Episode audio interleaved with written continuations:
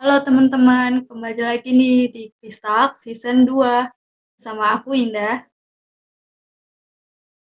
Dan aku Ijah.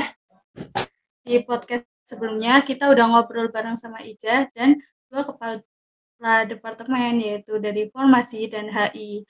Nah, hari ini kita bakal ngobrol banyak juga bareng tiga departemen di Kristal, yaitu dari P2KI, Resma, dan PSDM. Oke, biar nggak terlalu lama nih, kita langsung aja masuk ke sesi ngobrol bareng kepala departemen yang udah aku sebutin tadi. Boleh ya untuk Mbak-Mbak Gemoy dari setiap departemen memperkenalkan diri. Uh, mulai dari Departemen P2KI. Boleh Mbak C. Oke, selamat malam teman-teman. Perkenalkan, aku Cynthia Rahmawati dari jurusan Pendidikan Akuntansi tahun 2019. Nah, di sini biasanya teman-teman tuh panggil aku CY gitu ya, jadi bukan Cynthia. Gitu. Mantap. Oh ya, kabarnya Mbak C gimana nih? Tugas-tugasnya masih aman kan, Mbak? Alhamdulillah kabarku baik dan tugas-tugasnya juga lumayan banyak ya. Ini apa ya ngejar target juga karena kan kita udah mau lebaran gitu. Jadi harus cepet-cepet diselesaikan guys. Ya sih bener banget berarti. Nah selanjutnya dari Departemen Resma boleh nih Mbak Tifa. Halo semuanya. Selamat malam. Sebelumnya perkenalkan nama aku Latifah Rusdiana Putri. Biasanya dipanggil Latifah kalau enggak Putri dari D4 Akuntansi angkatan 2020. Mantap. Kalau tugas dari Mbak Latifah gimana nih? Masih aman kan Mbak? Insya Allah aman, tapi ini juga masih ngejar beberapa deadline juga sih. Nah, semangat. Semangat juga Indah. Ya, selanjutnya dari Departemen PSDM. Ayo Mbak Sofi. Oke, terima kasih Indah. Halo semuanya, kenalin nama aku Sofia Alifanur Aini. Uh, aku dari Prodi Pendidikan Ekonomi angkatan 2020. Nah, di sini aku diamani sebagai kepala departemen dari PSDM gitu. Oke, kabarnya gimana nih, Sofi? Alhamdulillah kalau uh, aku kabarnya baik. Gitu. Kalau Indah sendiri gimana? Oke, biar nggak terlalu lama nih, kita langsung aja masuk ke sesi ngobrol-ngobrol bareng kepala departemen yang aku udah sebutin tadi. Uh, mau tanya dong, Mbak, uh, tugas dari ADEP atau staf ahli atau broker gitu boleh dijelasin mbak dari mulai dari siapa aja boleh?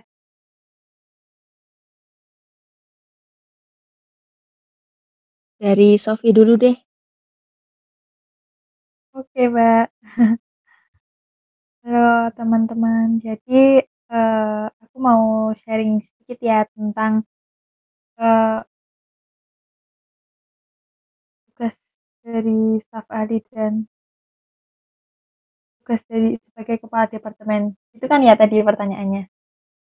Oh, oh benar banget.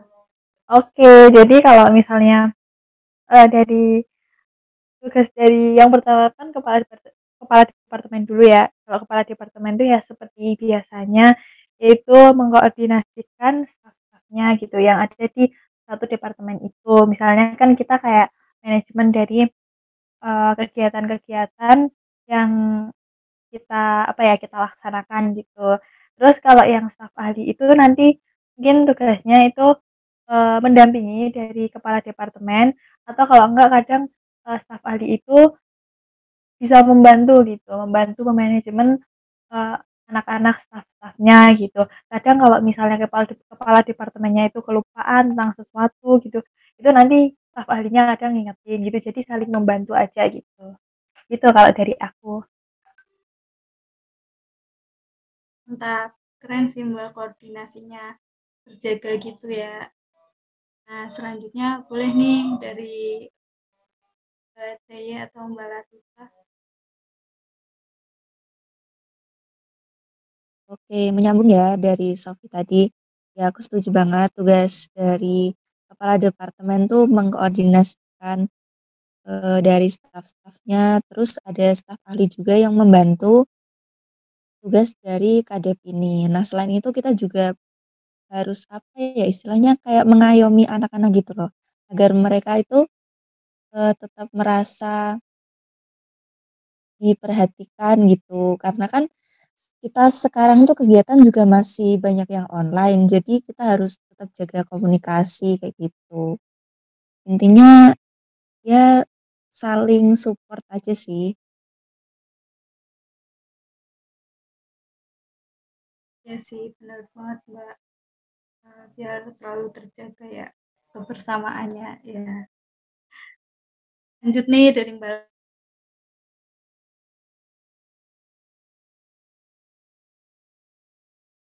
Oke, kalau di Presma sendiri kurang lebih juga sama ya kayak departemen lain kayak PSDM dan juga P2KI tadi.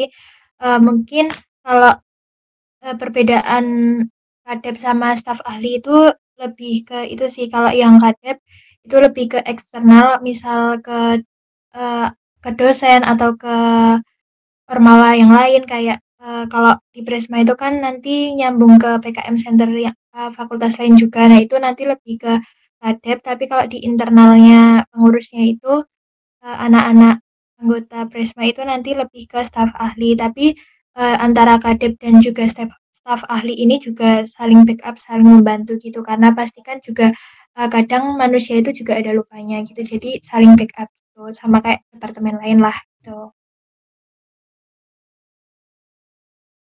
Oh, oke Mbak. Pokoknya saling backup gitu ya. Oke, selanjutnya nih Mbak, aku mau tanya uh, dari departemen kan masih ada masalah kan Mbak, walaupun kecil pasti ada aja. Nah, boleh dong Mbak ceritain tentang masalah tersebut dan gimana sih cara Mbak nanganinya gitu. Oke. Nah, kalau misalnya ya pasti uh, departemen tiap departemen itu ada permasalahannya dan uh, itu harus pinter-pinteran kitanya uh, seluruh staff seluruh staff dan seluruh misal staff kepala departemen dan staff ahlinya itu saling uh, berkomunikasi kayak bermusyawarah gitu ya enaknya gimana gitu untuk mengatasi permasalahan-permasalahan itu. Nah, kalau permasalahannya sendiri itu mungkin kayak uh, ini sih uh, miskomunikasi, miskomunikasi, miskomunikasi antar staff, antar staff uh, uh, biar terjaga terus gitu loh. Jadi kayak uh, mending misalnya kadang itu kalau online gini kan juga ngerasa kayak oh, yang ini slow respon, yang ini uh, ngilang-ngilangan gitu. Nah, itu kadang itu yang menjadi permasalahannya sekarang itu. Terus kadang juga uh, hambatan eh, permasalahannya itu tuh kayak uh, kurang maksimalnya ya ko koordinasi tadi. Karena mengingat kita itu masih pada jauh-jauh gitu. Beda kalau misalnya kita sering ketemu, kalau kita sering ketemu kan uh, lebih gampang koordinasinya gitu. Terus cara pemecahan masalahnya itu mungkin kita dengan uh, banyakin rapat-rapat, terus banyakin kegiatan-kegiatan yang ininya kayak Google Meet atau kita Zooman gitu biar saling ngobrol kayak uh, ngasih tahu keadaan kondisi masing-masing gitu. Biar nantinya tuh saling mengerti terus nggak nggak apa ya nggak terjadi miskomunikasi gitu sih kalau dari aku. Mungkin bisa disambung dari Mbak Yeye Iya, benar banget sih. Uh, sebenarnya ya rata-rata sama sih masalahnya kayak terkait waktu buat ketemu atau buat Zoom itu juga agak susah kalau di departemenku. Kadang kan kita nggak tahu ya setiap orang tuh kesibukannya apa aja. Kadang-kadang kita udah janjian tapi ternyata hmm, ada kegiatan mendadak gitu. Nah, buat mengatasi itu ya kita sering-sering ini sih koordinasi di grup. Walaupun nanti eh, jarang buat Zoom atau Google Meet, tapi setidaknya kita eh, komunikasi lewat chat gitu.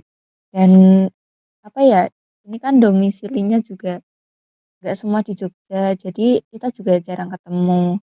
Nah, yang paling rawan itu emang masalah kalau ada staff yang istilahnya kurang responsif gitu. Kita sebagai kepala departemen dan staf ahli itu harus sabar-sabar dan uh, telaten buat ngejar lah istilahnya apa ya biar nggak lost kontak gitu loh. Jadi harus tetap komunikasi lancar gitu. Diusahakan seperti itu sih biar nggak lost. Oke next Latifah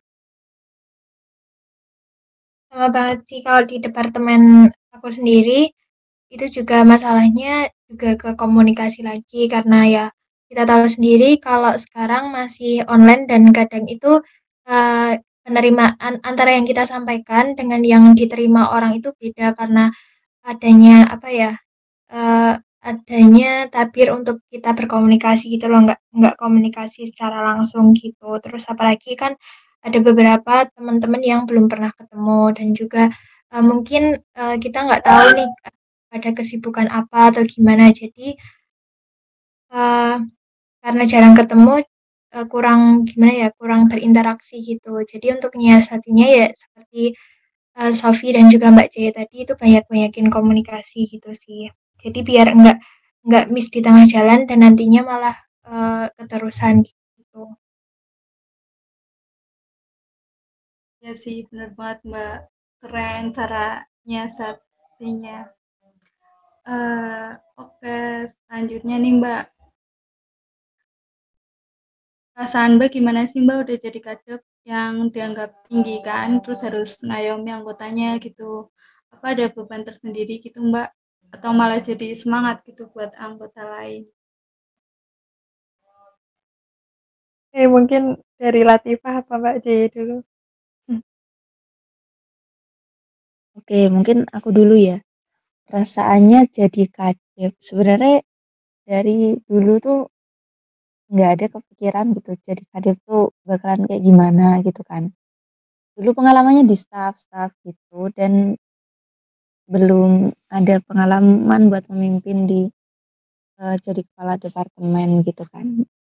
Uh, sejauh ini masih terus beradaptasi dan mencari cara gimana biar teman-teman tuh selalu nyaman gitu kalau mau cerita, mau curhat, terus memposisikan diri uh, ya seolah-olah nggak cuma sebagai kakak gitu, tapi ya temen gitu loh biar nanti kalau ada yang sharing tuh lebih terbuka dan lebih enak kayak gitu.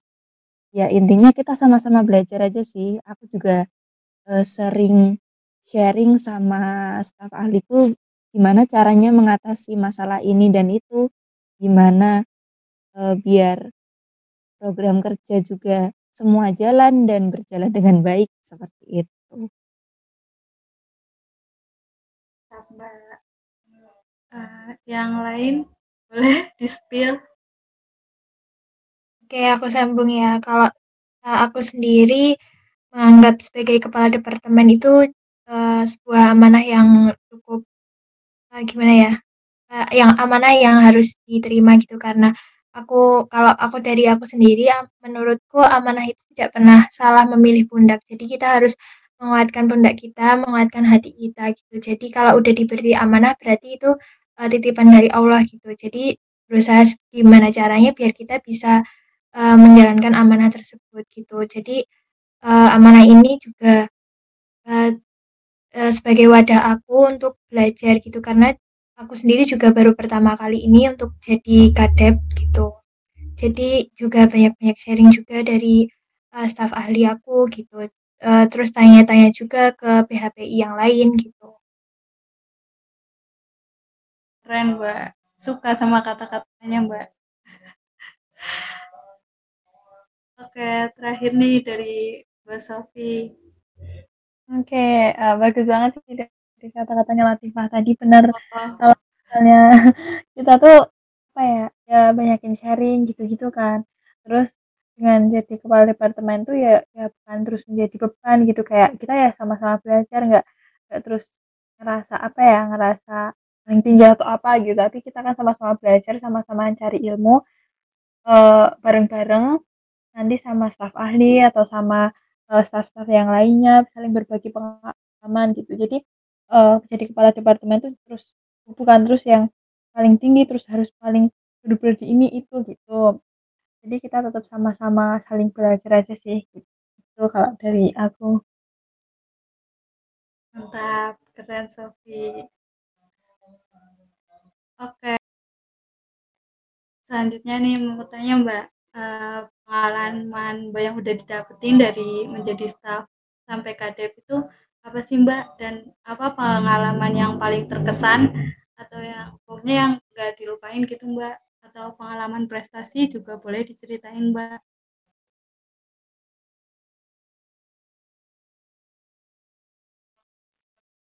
Oke, aku dulu boleh ya? Boleh banget Mbak. Oke, di sini wah ini udah tahun ketiga aku di Kristal gitu. Aku maba itu ikut eee, magang di Kristal. Terus di semester 2 ikut oprek Kristal dan alhamdulillah diterima di departemen P2KI. Waktu itu aku jadi staf dan punya, eee, satu tanggung jawab proker untuk mengumpulkan karya-karya dari teman-teman yang berprestasi di FE gitu.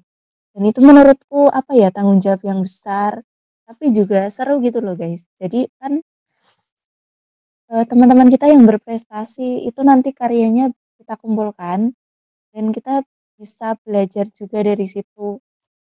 Dan itu bisa memotivasi kita buat apa ya, eee, berprestasi gitu loh. Apalagi khususnya di bidang kepenulisan karena kan aku di P P2KI gitu kan. Nah terus, eee, pengalaman seru lain banyak sih mulai dari upgrading, terus ada KCM juga, prokernya PSDM ya, aku suka banget. Terus ada banyak proker-proker lain yang, eee, seru juga dan memberikan aku pengalaman-pengalaman baru gitu dan juga pembelajaran. Nah, kalau satu pengalaman yang mungkin nggak bakalan aku lupakan itu di tahun kemarin aku diamanahi sebagai, eee, ketua panitia RNDC, di mana RNDC itu salah satu proker Kristal gitu yang mana itu melibatkan banyak staf, seluruh staf, kemudian juga ada, eee, di luar Kristal juga, terus itu event-nya nasional kayak gitu. Nah, itu prosesnya juga lama dan apa ya, menguras tenaga, pikiran dan lain-lain gitu. Harus sabar-sabar buat menghadapi semuanya di, eee, selama RNDC itu berlangsung kayak gitu. Ini teman-teman yang di sini juga pasti juga merasakan gitu ya, gimana eee, berdinamika dan berproses di RNDC, pasti seru banget ya. Itu sih. Oh oh, keren Mbak. Aku belum sih Mbak, belum ngerasain di RNDC. Mungkin yang lain udah ya, kayak Sofi, Latifah. Seru Kayak banget aku sih ya Mbak. Eee, iya sih, betul betul, seru. Seru banget pokoknya. Ya bener kalau kata Mbak Deye itu, maksudnya kayak banyak juga pengalaman yang kita dapat, terus banyak pengalaman yang berkesan juga terutama tuh tentang ya kayak kebersamaan-kebersamaannya aja sih kalau kataku. Kayak, eee, kita tuh sama-sama bareng-bareng belajar, terus kita sama-sama bareng-bareng berproses gitu tuh kayak, apa ya, ya kayak ada kepuasan tersendiri gitu. Kita dari awal udah bareng-bareng berusaha, terus habis itu nanti pas ada acara puncaknya gitu, habis itu selesai itu kayak seneng aja gitu, kayak puas gitu, kita udah usaha bareng-bareng. Terus ya eee, pengalaman-pengalaman lain yang nggak terlupakan tuh mungkin kalau misalnya kita ada agak ada apa ya, miskomunikasi atau apa gitu kan, terus kayak kita harus, eee, lebih lebih ekstra lagi kan komunikasinya, maksudnya kayak lebih intens lagi biar nggak terjadi miskomunikasi. Nah dari situ kan kita kayak juga kayak semakin mendekatkan mendekatkan diri atau apa ya mempererat hubungannya kita antar sesama pengurus kristal tentunya gitu dari aku. Mantap, bener banget Mbak, setuju banget sama Sofi. Selanjutnya Mbak Latifah boleh share-share.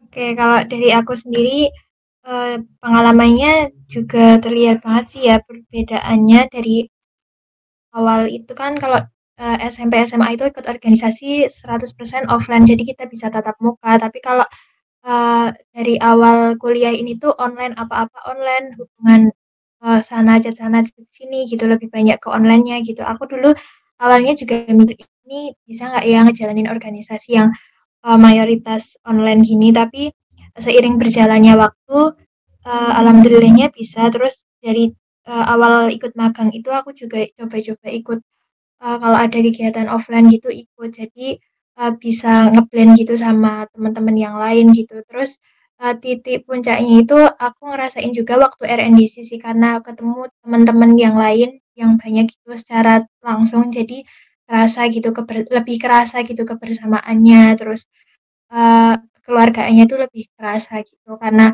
RNDC kan uh, semua panitianya tuh mayoritas bisa ketemu offline gitu. Oh iya sih Mbak. Dulu RNDC offline gitu ya Mbak? Ya, buat buat teman-teman yang bisa offline dulu offline sih tapi. Buat pasti ya Mbak. Acara gede lagi. Benar. Keren-keren nih dari Mbak-Mbak Presma eh, SDM sama P2KI. Nah, selanjutnya mau tanya nih Mbak, uh, harapan ke depannya apa sih Mbak untuk departemen dari Mbak-Mbak? Boleh di Mbak uh, buat motivasi buat ke depannya gitu agar lebih baik.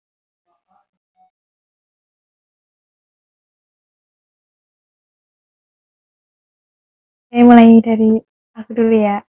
Uh, mungkin kalau harapannya dari aku buat departemen departemenku atau departemen yang lainnya juga semoga uh, apa ya kekeluargaannya itu semakin erat juga gitu karena jujur aku sendiri kayak ngerasa kalau di kristal itu uh, ngerasa keluargaannya kenceng banget gitu. Kayak kita benar-benar ngerasa kita punya keluarga terus di sini tuh tempat kita keluh kesah di sini di sini tempat kita senang sedih gitu jadi satu pokoknya. Nah itu harapannya ke depannya itu semoga uh, tetap langgang uh, itunya apanya ya hubungannya.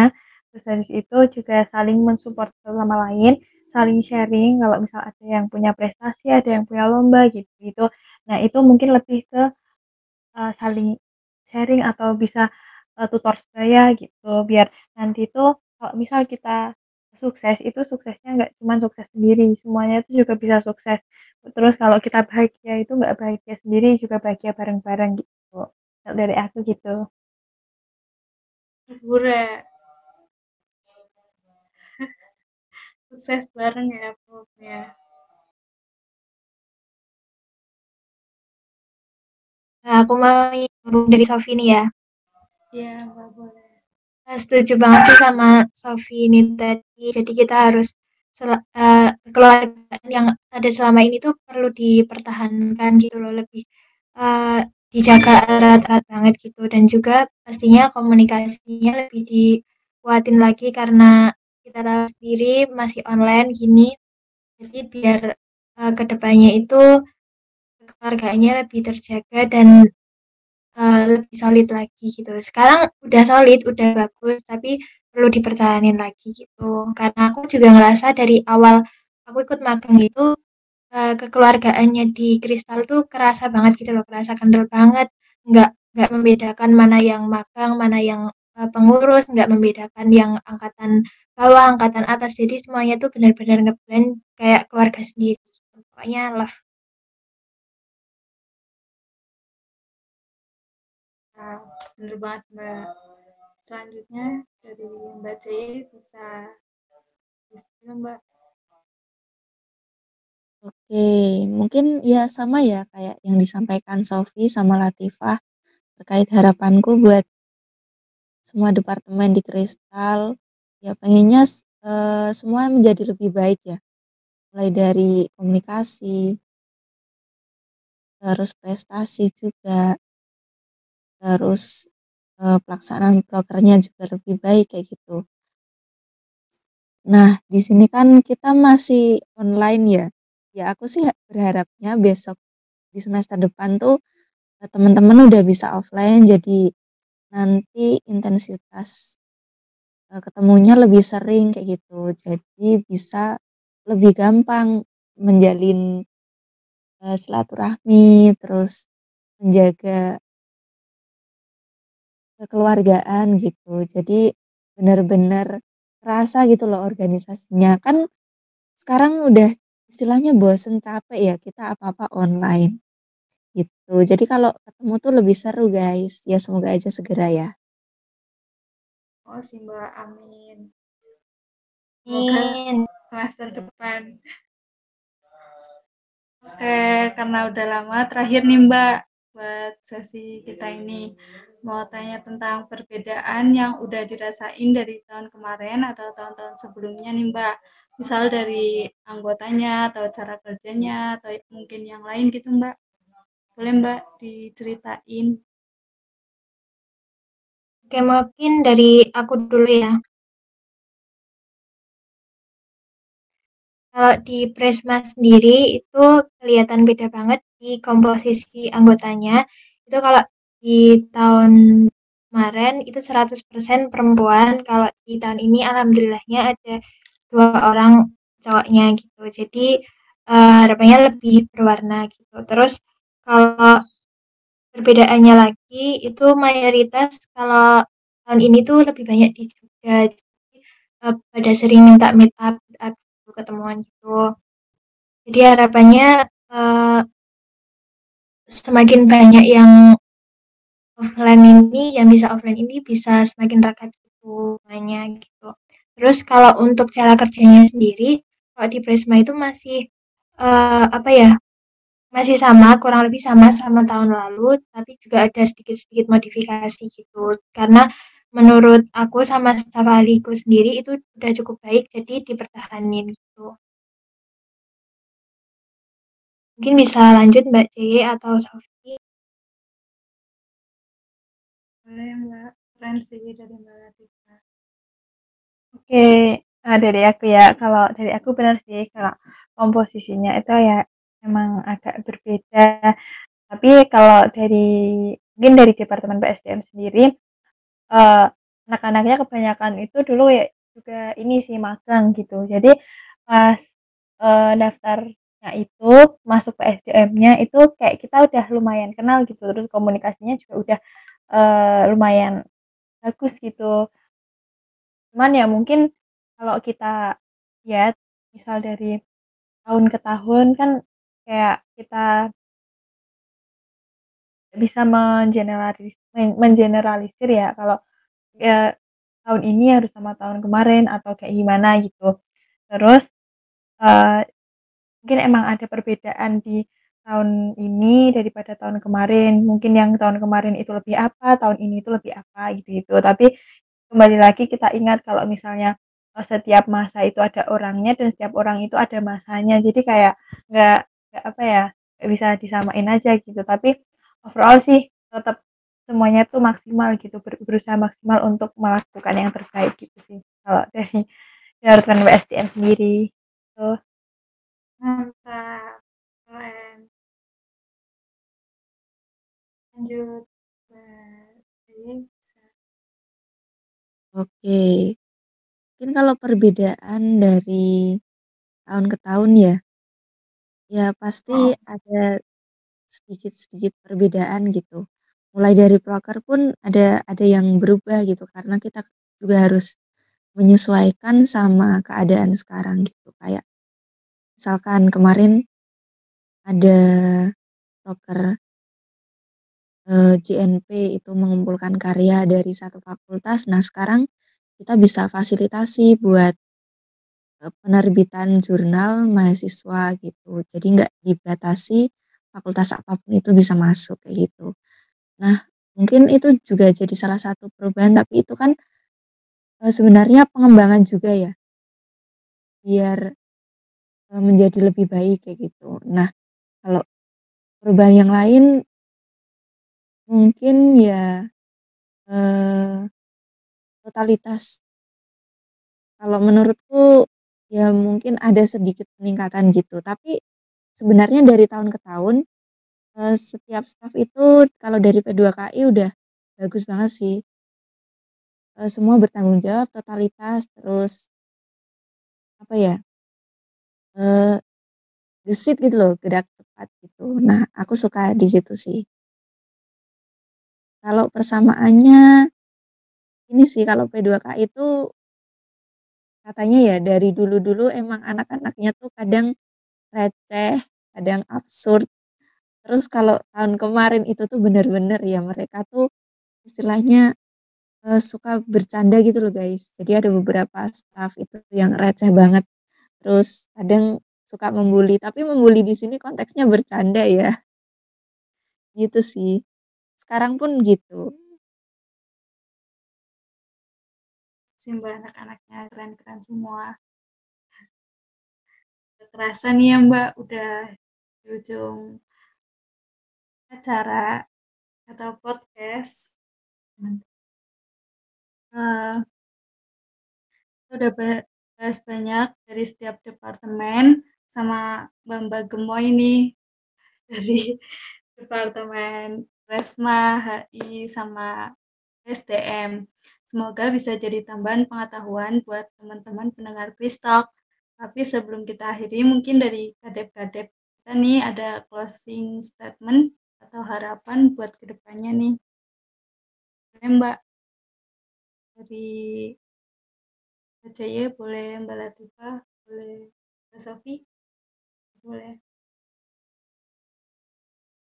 Oke, dari aku ya. Mungkin uh, kalau dari aku sendiri semoga ke depannya kekompakan kekeluargaan Kristal tetap terjaga dengan baik. Terus semoga juga Kristal itu tetap uh, selalu berprestasi selalu saling support antara satu dengan yang lain.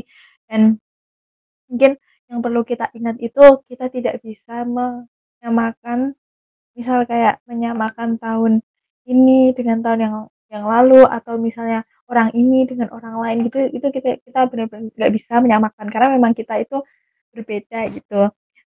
Itu tadi kembali ke setiap masa ada orangnya dan setiap orang ada masanya gitu.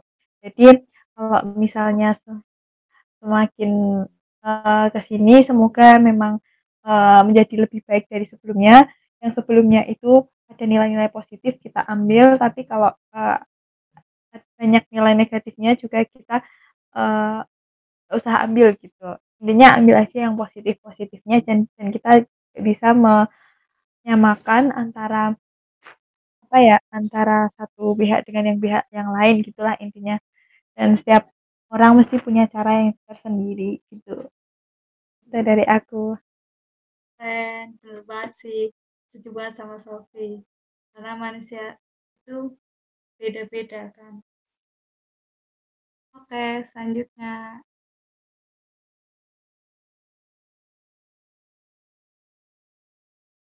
Oke, selanjutnya dari aku ya.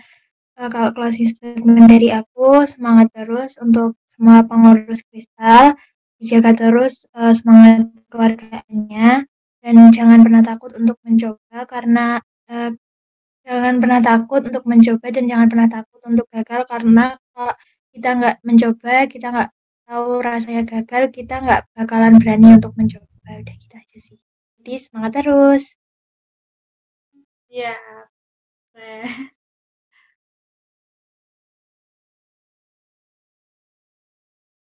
Lanjut. Terakhir dari Mbak Jaye. Oke, menyambung ya dari Sofi sama Latifah tadi.